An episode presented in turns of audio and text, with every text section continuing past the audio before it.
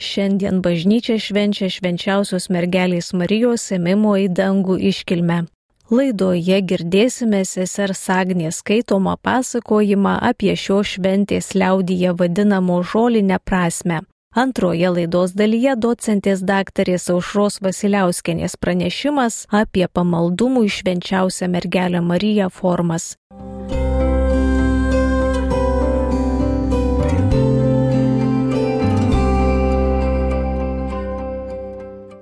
Mėly Marijos radio klausytojai, šiandien švenčiame švenčiausiosios mergelės Marijos ėmimo į dangų iškilmę. Marija po žemiškos kelionės užmygo šiam pasauliui. Būtent taip bažnyčios tėvai vadino Marijos mirtį. Dievas neleido jos kūnui sugesti ir paėmė jį į dangaus karalystę išlovę. Viešpats nelaukdamas savo galutinio ateimo panoro suvienyti Mariją su savo šlove.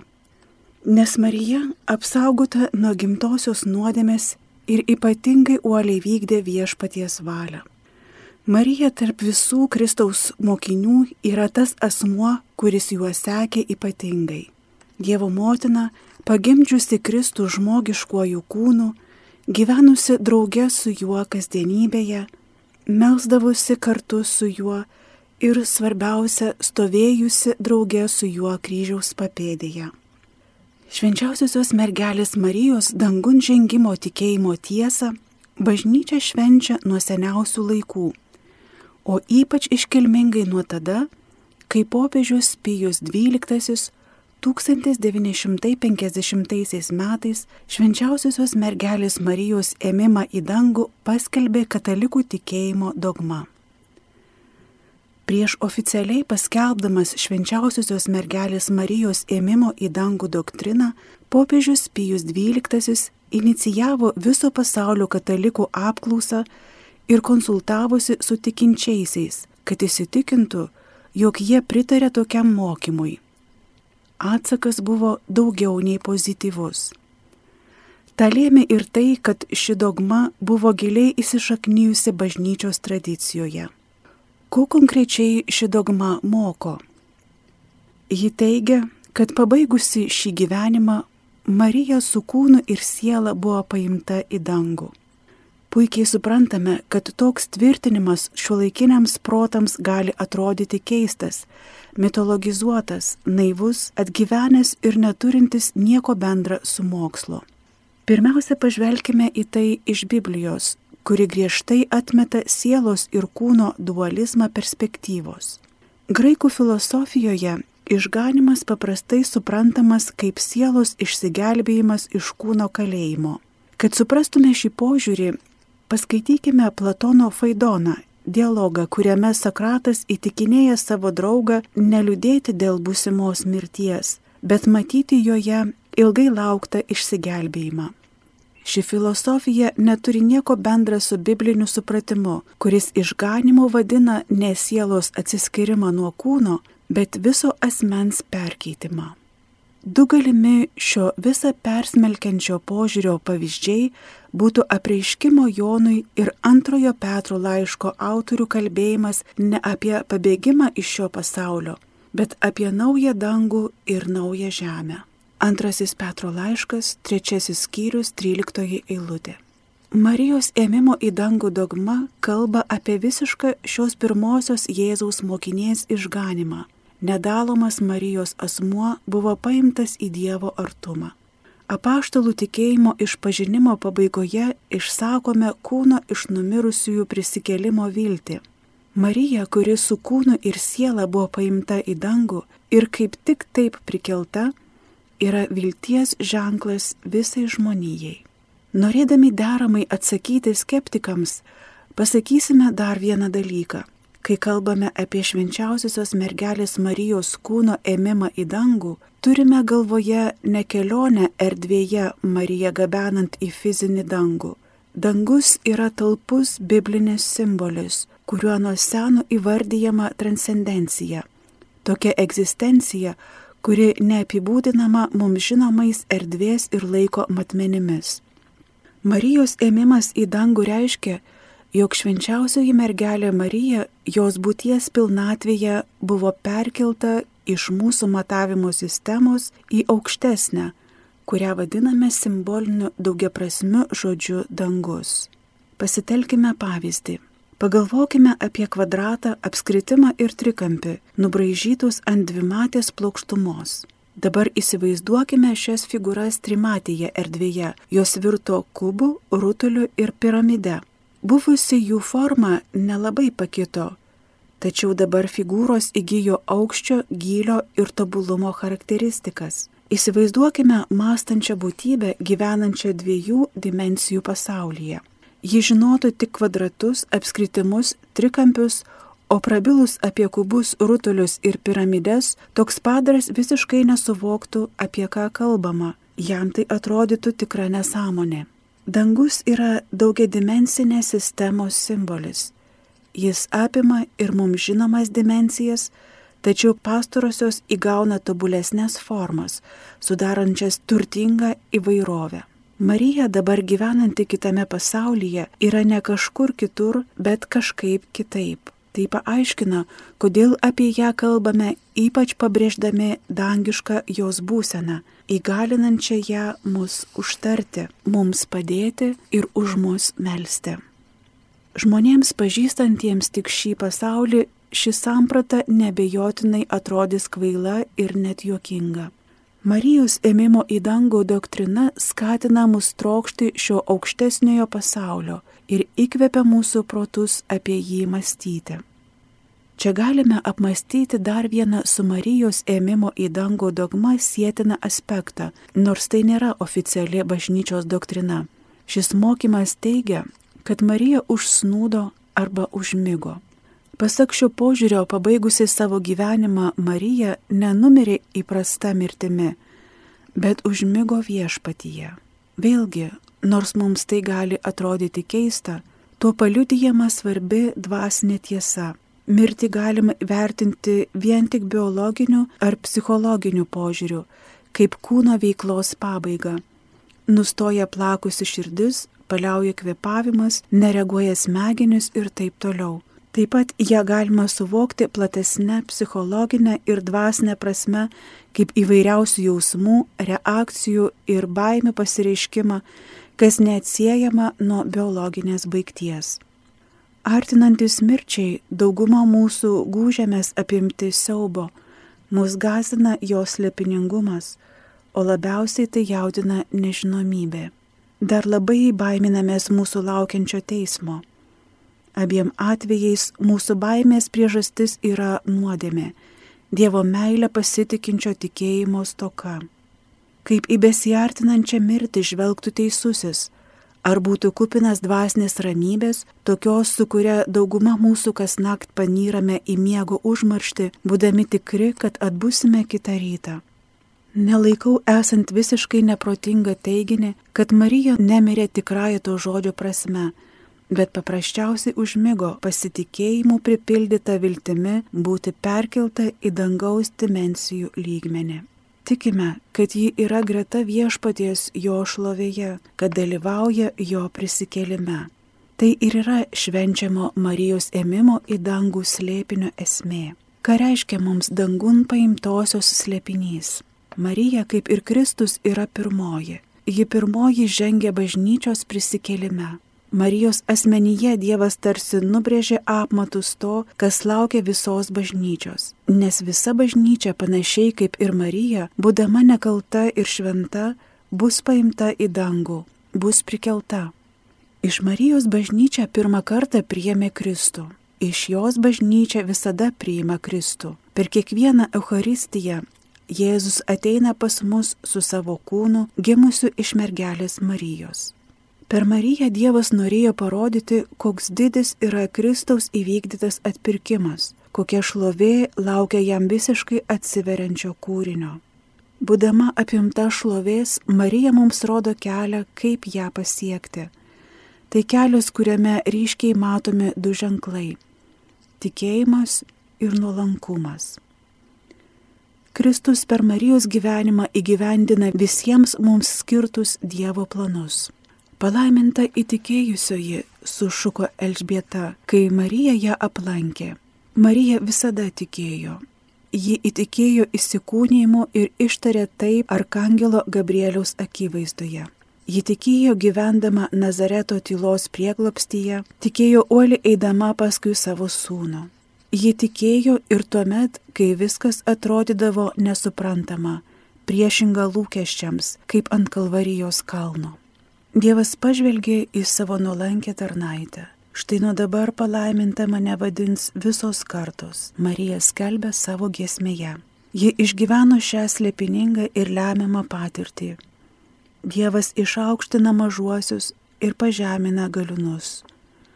Nuo pat išrinkimo būti Dievo motina, Marija nuolankiai svarsto šį slėpinį. Ji yra malonės pilnoji, nes ji laisva nuo savęs.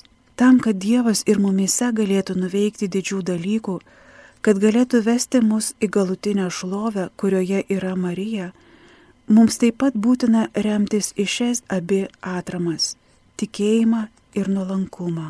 Kiekvienas mūsų galime artintis prie Dievo motinos, sekdami jos klusnumu ir atvirumu Dievui. Galime melstį ir taip prašyti Marijos. Padidink mūsų tikėjimą, mokyk mus nuolankumo gyvenant pagal tėvišką Dievo valią. Pagelbėk nebijoti dangaus, bet jo trokšti, nes ten jau esi tu draugė su visais šventaisiais. Švenčiausiąją mergelę Mariją pagerbėme atsineždami žolynų puokštę bažnyčion, kurioje per šventasias mišes žmonių puokštis yra pašventinamos specialia malda, kad namuose parsineštos puokštės būtų regimas Dievo dosnumo ženklas. Žolynų šventinimą Lietuvoje galima pripažinti kaip vieną iš skirtinių šios šventės bruožų, ką simbolizuoja per žolinę bažnyčioje šventinamos puokštės. Pasak liaudės papročių tyrinėtojų, savo sandarą jos simbolizuoja gyvenimo pasaulio pilnatvę. Puokštėse simboliškai sutelpa visas vasaros derlius. Tokias puokštės būtų galima pavadinti lietuviškomis ikebanomis. Jose dera darželio gėlės, vaistinės bei maistinės žolės, diemedžio šakelė ar pelynos stiebas, medatkos, jurginai, mirtos, nasturtos, kraujažolės, šlamučiai, rūgegelės, ramunės, dobilai ir kitos lauko gėlės bei rūgiai, avižos. Joje rasdavo vietą net sodo ir daržo gerybės - oboliai, burokai, morkos, net ilgesnių kotų nuskinta kopūsto gūžė. Dėl to pietričių Lietuvoje ši šventė dar buvo vadinama kopūstinė.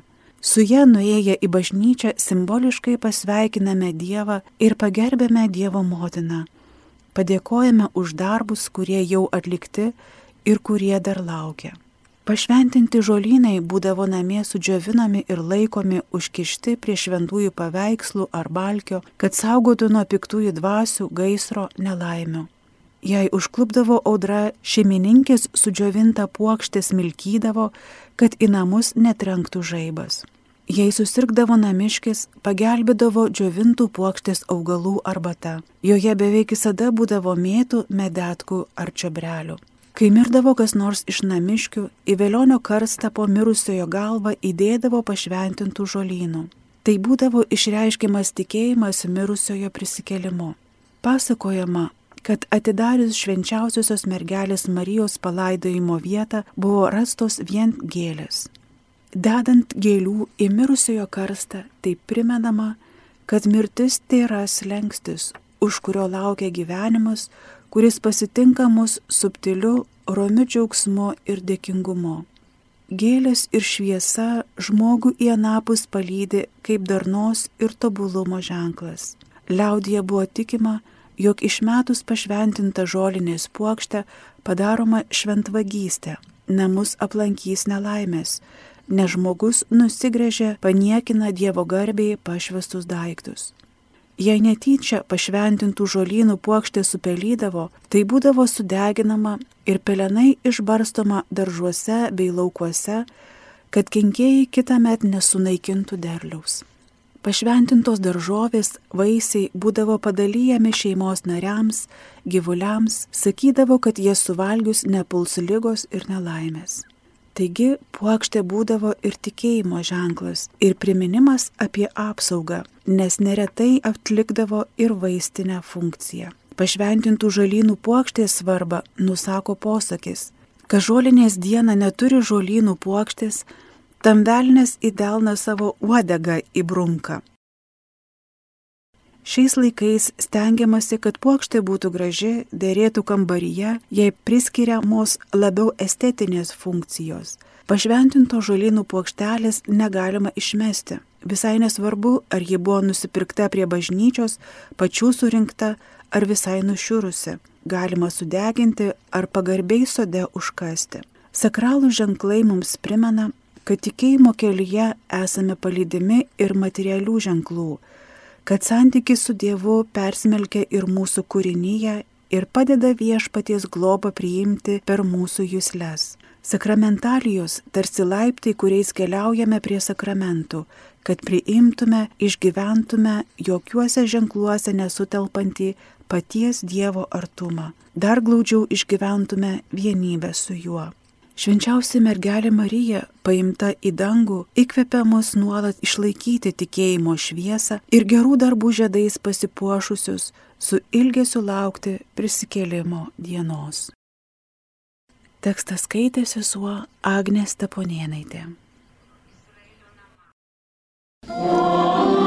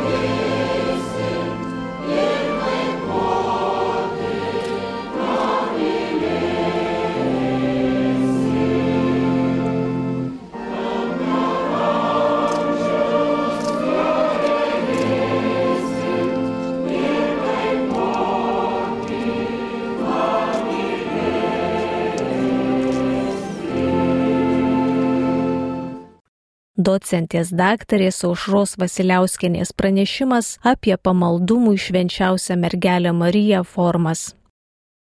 Labadiena, kviečiu stabtelti ties vienu puikiu paveikslu. E, šis paveikslas yra iš buvusių Kauno Bernardinių vienuolyno švenčiausios trejybės bažnyčios. E, šiandien bažnyčia priklauso seminarijai.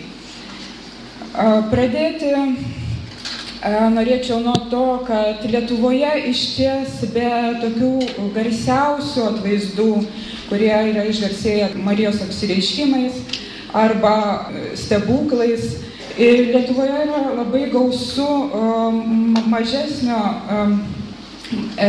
jau šiek tiek primirštų atvaizdų, kurie kažkada dar LDK laikais irgi garsėjo savo stebuklais, malonėmis žmonių buvo labai gerbiami, tačiau laikui bėgant iki šių dienų jau yra gerokai primiršti.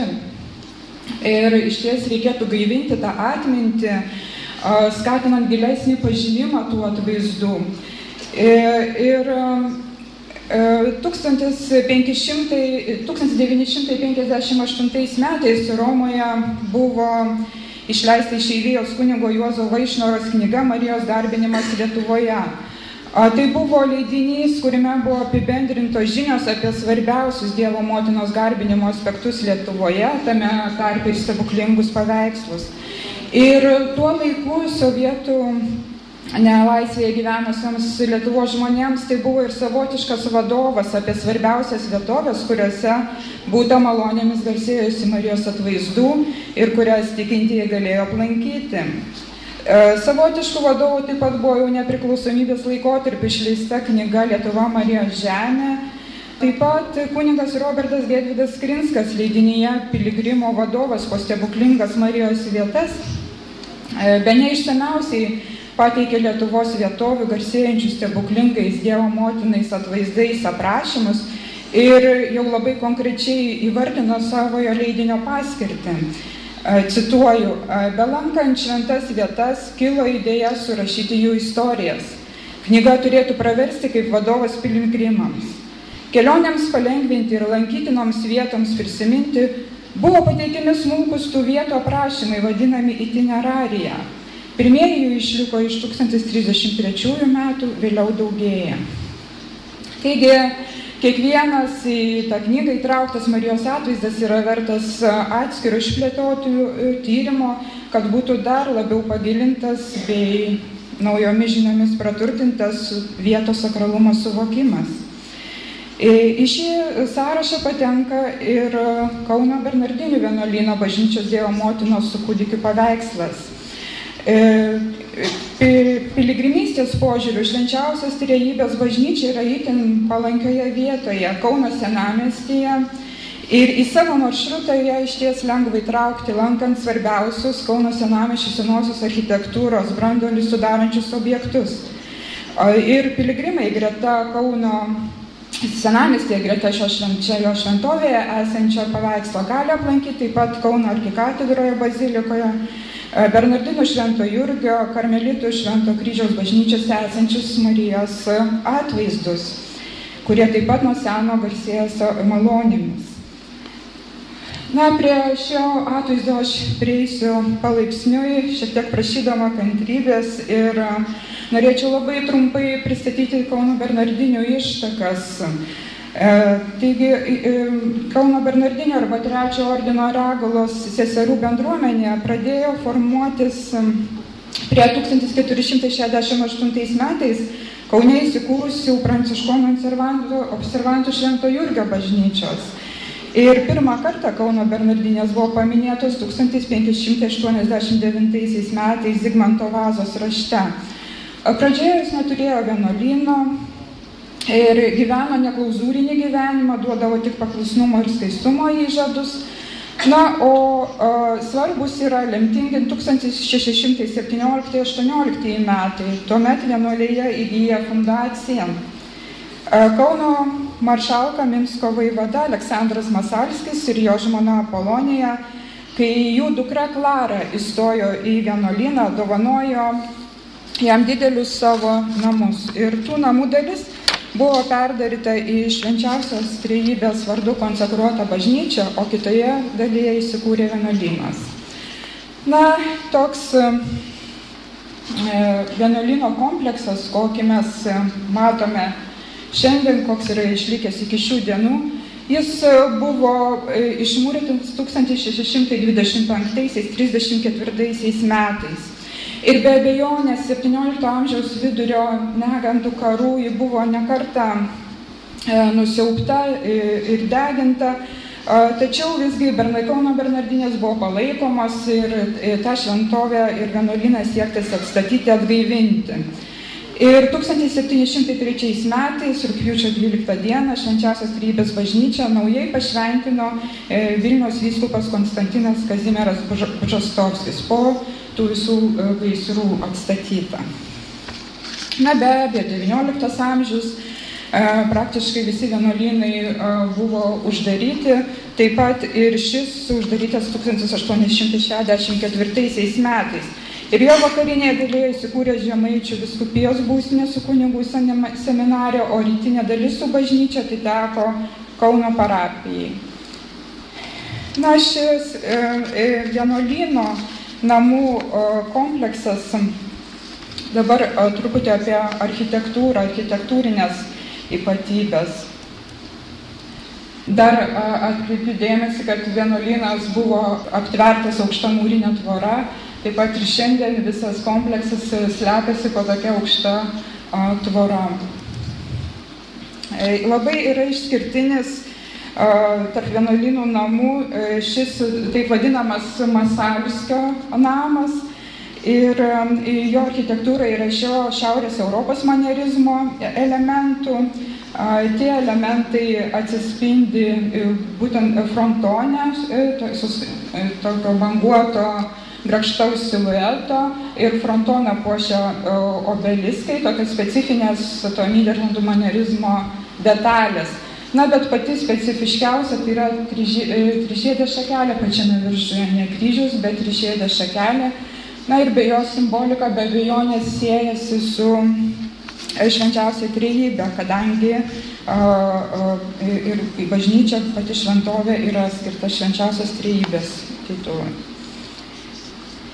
Na, a, pati bažnyčia turi vėlyvo renesanso ir, ir gotikos elementų, tai to, toks mišinys buvo būdingas to laikotarpio architektūrai. E, vidinė, vidinė erdvė e, bažnyčios šiandien yra net pažįstamai pakitusi. Tuo tarpu architektūra pačios bažnyčios galima pasidžiaugti, kad ji išliko, tikrai išliko daug autentikos. Kaip, kaip minėjau, vidinė erdvė pasikeitusi, įrengta moderniai ir be abejo įdomu, kaipgi atrodė kažkada seniai ta erdvė. Taigi tyrinėtojai nurodo, kad 17 amžiaus bažnyčioje buvo minimi penki altoriai ir jų tada jau yra išskiriamas didysis švenčiausios trejybės ir Dievo motinos, kuriame buvo itin gerbiamas Marijos su kūdikio atvaizdas prie kurio per marijinės šventės miniomis vykdavo Kauno ir aplinkinių vietovių tikintieji. Ir pagarbą tam atvaizdui rodė ir gausiai prie jo suaukoti votai. Na, XIX amžiaus vidurio inventorėse šioje bažnyčioje minima dešimt altorių, visi jie buvo mediniai, daugiausiai dvi tarpsniai ir juose be abejo kabojo E, atvaizdai pirmame ir antrame tarpsniuose. Didysis buvo skirtas švenčiausiai trejybei. Tarptų altorių buvo ir švenčiausios mergelės Marijos e, ramintojos. Altorius, kuriame buvo Dievo motinos ramintojos paveikslas, susidabro apdarų, skeptrų ir karūna. Taigi čia yra tas pats atvaizdas, apie kurį šiandien kalbu. Na, šiandien, kaip minėjau, e, erdvė atrodo štai taip moderniai. 1982 metais buvo įrengti modernus Vaidoto Kvašio suprojektuoti trys altoriai. Ir didysis, kaip ir anksčiau, ne, nepaisant to, kad jis yra tokios modernios formos, buvo skirtas švenčiausiai trejybei ir jį sudaro minimalistinių formų išgaubta marmurinė plokštė, o jai kontrastą sudaro o, aukšta dviejų marmurinių stulpų vertikalė. Jos viršuje yra įkomponuotas trikampis, auksinis trikampis su spinduliais ir jis simbolizuoja švenčiausią trejybę. Na, o šoniniuose altoriuose štai taip darniai yra integruoti du senieji iš, iš 17 amžiaus išlikę paveikslai. Tai švenčiausios mergelės Marijos ir čia taip pat galima pamatyti šonę su gražiai sukabintus votus, liudijančius apie pagarbą tam atvaizdui. Ir iš senųjų taip pat yra išlikęs Švento Juozapo atvaizdas, esantis priešingame šoninėme autorija. Na, dar verta paminėti, kad bažnyčia papuošta ir labai gražiais vitražais. Ir šis, kuris yra virš Dievo motinos paveikslo, jisai uh, vadinasi Marijos garbė Lietuvoje. Ir štai šiuose um, atvaizduose yra, yra matyti garsiausių Marijos atvaizdų, um, garsiausi Marijos atvaizdai ir aušros vartų, šiluvos, pivašiūnų. Na, dabar grįžtant prie paveikslo. Šis atvaizdas, manoma, sukurtas 17 amžiaus pirmoje pusėje. Ir žinių apie jį, iš tikrųjų, jo atributavimo datavimui labai padeda tai, kad pagal jį 1677 metais buvo išleistas nedidelis paveiksliukas, skirtas asmeniniam pamaldumui ir platinimui. Ir um, paties paveiksliuko dėja uh, šiam kartui e, nepavyko rasti, bet yra aprašymas Jozo Vaišnoro knygoje ir jis tai prašo, kad tame paveikslėlėje Marija pavaizduota veidų į priekį, ant galvos turi ypatingos formos vainiką, kurį du angelai viena ranka laiko ant Marijos galvos, o kitoje pusėje turėjo šakelę su žiedais. Aplink vainiką taip pat gėlės. Marijos plaukai palaidi, jie dengia kaklą papuoštą perlais. Marija dešinėje rankoje laiko karališką skeptrą, o kairė apima kūdikį, kuris kairėje rankute laikosi motinos rankos, o dešinę laimina dviem ištiestais pirščiukais. Po atvaizdu apačioje įrašas Lenkų kalba. Paveikslas Marijos ypatingomis Dievo dovanomis ir dovanomis garsus Kaune Švento Pranciškaus seserų švenčiausios trejybės bažnyčioje didesniam pamaldumui į švenčiausią Mariją pažadinti išspaudintas 1677 metais. Na, iš šio aprašymo matyti, kad tai tas pats iki šių dienų išlikęs Dievo motinos atvaizdas, minimas spektras palaidi plaukai atitinka kūdikėlio Jėzaus rankų padėtis. Tačiau pastebima, jog paveiksle nėra ten e, minimų angelų ir gėlių žiedų. Kuo tai paaiškinti? A, tai labai paprasta ir, ir kartu gan skausminga. A, tai, kad 1983 e, metais e, paveikslas buvo restauruotas.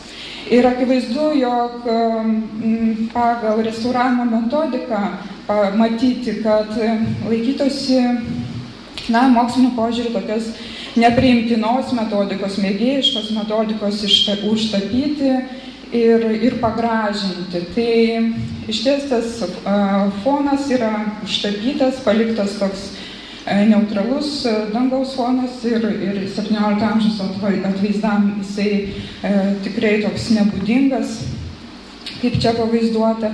E, Deja, pagražinti yra ir veidai. O tuo tarpu rankutės e, jau liūdė apie autentiškumą. Na ir e, atsižvelgiant į tai, ateityje tikrai labai rekomenduotina, e, esant galimybei, atlikti naujus to paveikslo cheminius ir fizikinius tyrimus, renginą, nustatyti autentiškas ir užtapytas vietas ir tinkamai restauruoti ir kaip galima labiau priartinant atvaizdą prie autentiškos išraiškos. Na, ikonografinių motyvų visuma liudyja, jog Dievo motina čia yra vaizduojama kaip dangaus karalienė. Pirmiausiai apie tai kalba karališkosios regalijos, tai yra karūnos ir skeptras. Apskritai karūna tai yra svarbiausia simbolinė regalija, pabrėžianti, jog paveiksle e, vaizduojami Jėzus ir Marija yra dangaus ir žemės, tai yra visų žmonių ir žemiškųjų karalių valdovai. Ir tas karūnas tapydavo ne tik e, dangaus prie uh, dangaus karalienės ikonografinio tipo atvaizdų, bet taip pat ir daugelį kitų atvaizdų jas arba uždėdavo e, metalo aptaisą tapyboje nesant tų karūnų, arba jos tapyboje galėjo ir būti. Tai tačiau tai, kad čia yra vaizduojamas skeptras, jau nebejotinai leidžia daryti išvadą, kad tai yra dangaus karalienės ikonografinis tipas. Tik tai trūksta vienos detalės. Uh, pilname variante dar būtų kūdikio laikomas valdžios rutulys su kryžiumi. Tuo tarpu kūdikis čia laimina ir laimintas Jėzus dažniausiai vaizduojamas uh, taip vadinamos hodegetrijos alba arba kelrodės Marijos su kūdikiu atvaizduose, kuriuose Marija dešinė ranka rodo į kūdikį tikrai kelią. Arba Marijos snieginės e, e, tipo, kurio yra ir Šiluvos Marijos atvaizdas. Ir e, tačiau, kaip ir paminėjau, skeptro tikrai užtenka, kad jį priskirti dangaus karalienės ikonografiniam tipui. Tačiau dar norėčiau atkreipti dėmesį, kad titulas ir ikonografinis tipas nėra tapatu. Dievo motinos atvaizdams, vaizduojantis pagal tam tikrą kanoną arba ikonografinį tipą, dažnai dar būdavo e, suteikti, suteikiami atskiri titulai. Ir tie titulai yra iš Marijos litanijos, pagal Marijos kreipinius. Tas titulas parodo, koks kreipinys akcentuojamas, kreipiantis į atitinkamą Marijos atvaizdą, į Mariją. Ir ramintoje, kuri įvardinta senuosiuose dokumentuose, atitinka nuliūdusiųjų paguodą. Taigi čia ši Marija yra e, ir nuliūdusiųjų paguoda. E, taigi, apibendrinant, e, norėčiau pasakyti, kad šis atvaizdas tikrai yra vertas išsamesnių tyrimų ir vertas įtraukti, na, galvojant apie piligriminio turizmo plėtojimą Kaune, Kauno mieste, gilinant žinias ar leidžiant atskirus leidinius, tokių leidinių piligriminių vadovų tikrai dar šiandien trūksta ir, ir, Kauno, ir Kauno atskirų miestų, ir, ir Lietuvos mastu. Taigi dėkoju uždėmesi ir kantrybę. Girdėjote sesers Agnės skaitomą pasakojimą apie šios šventės liaudyje vadinamo žolinę prasme ir docentės daktarės Aušros Vasiliauskenės pranešimą apie pamaldumų išvenčiausią mergelę Mariją formas.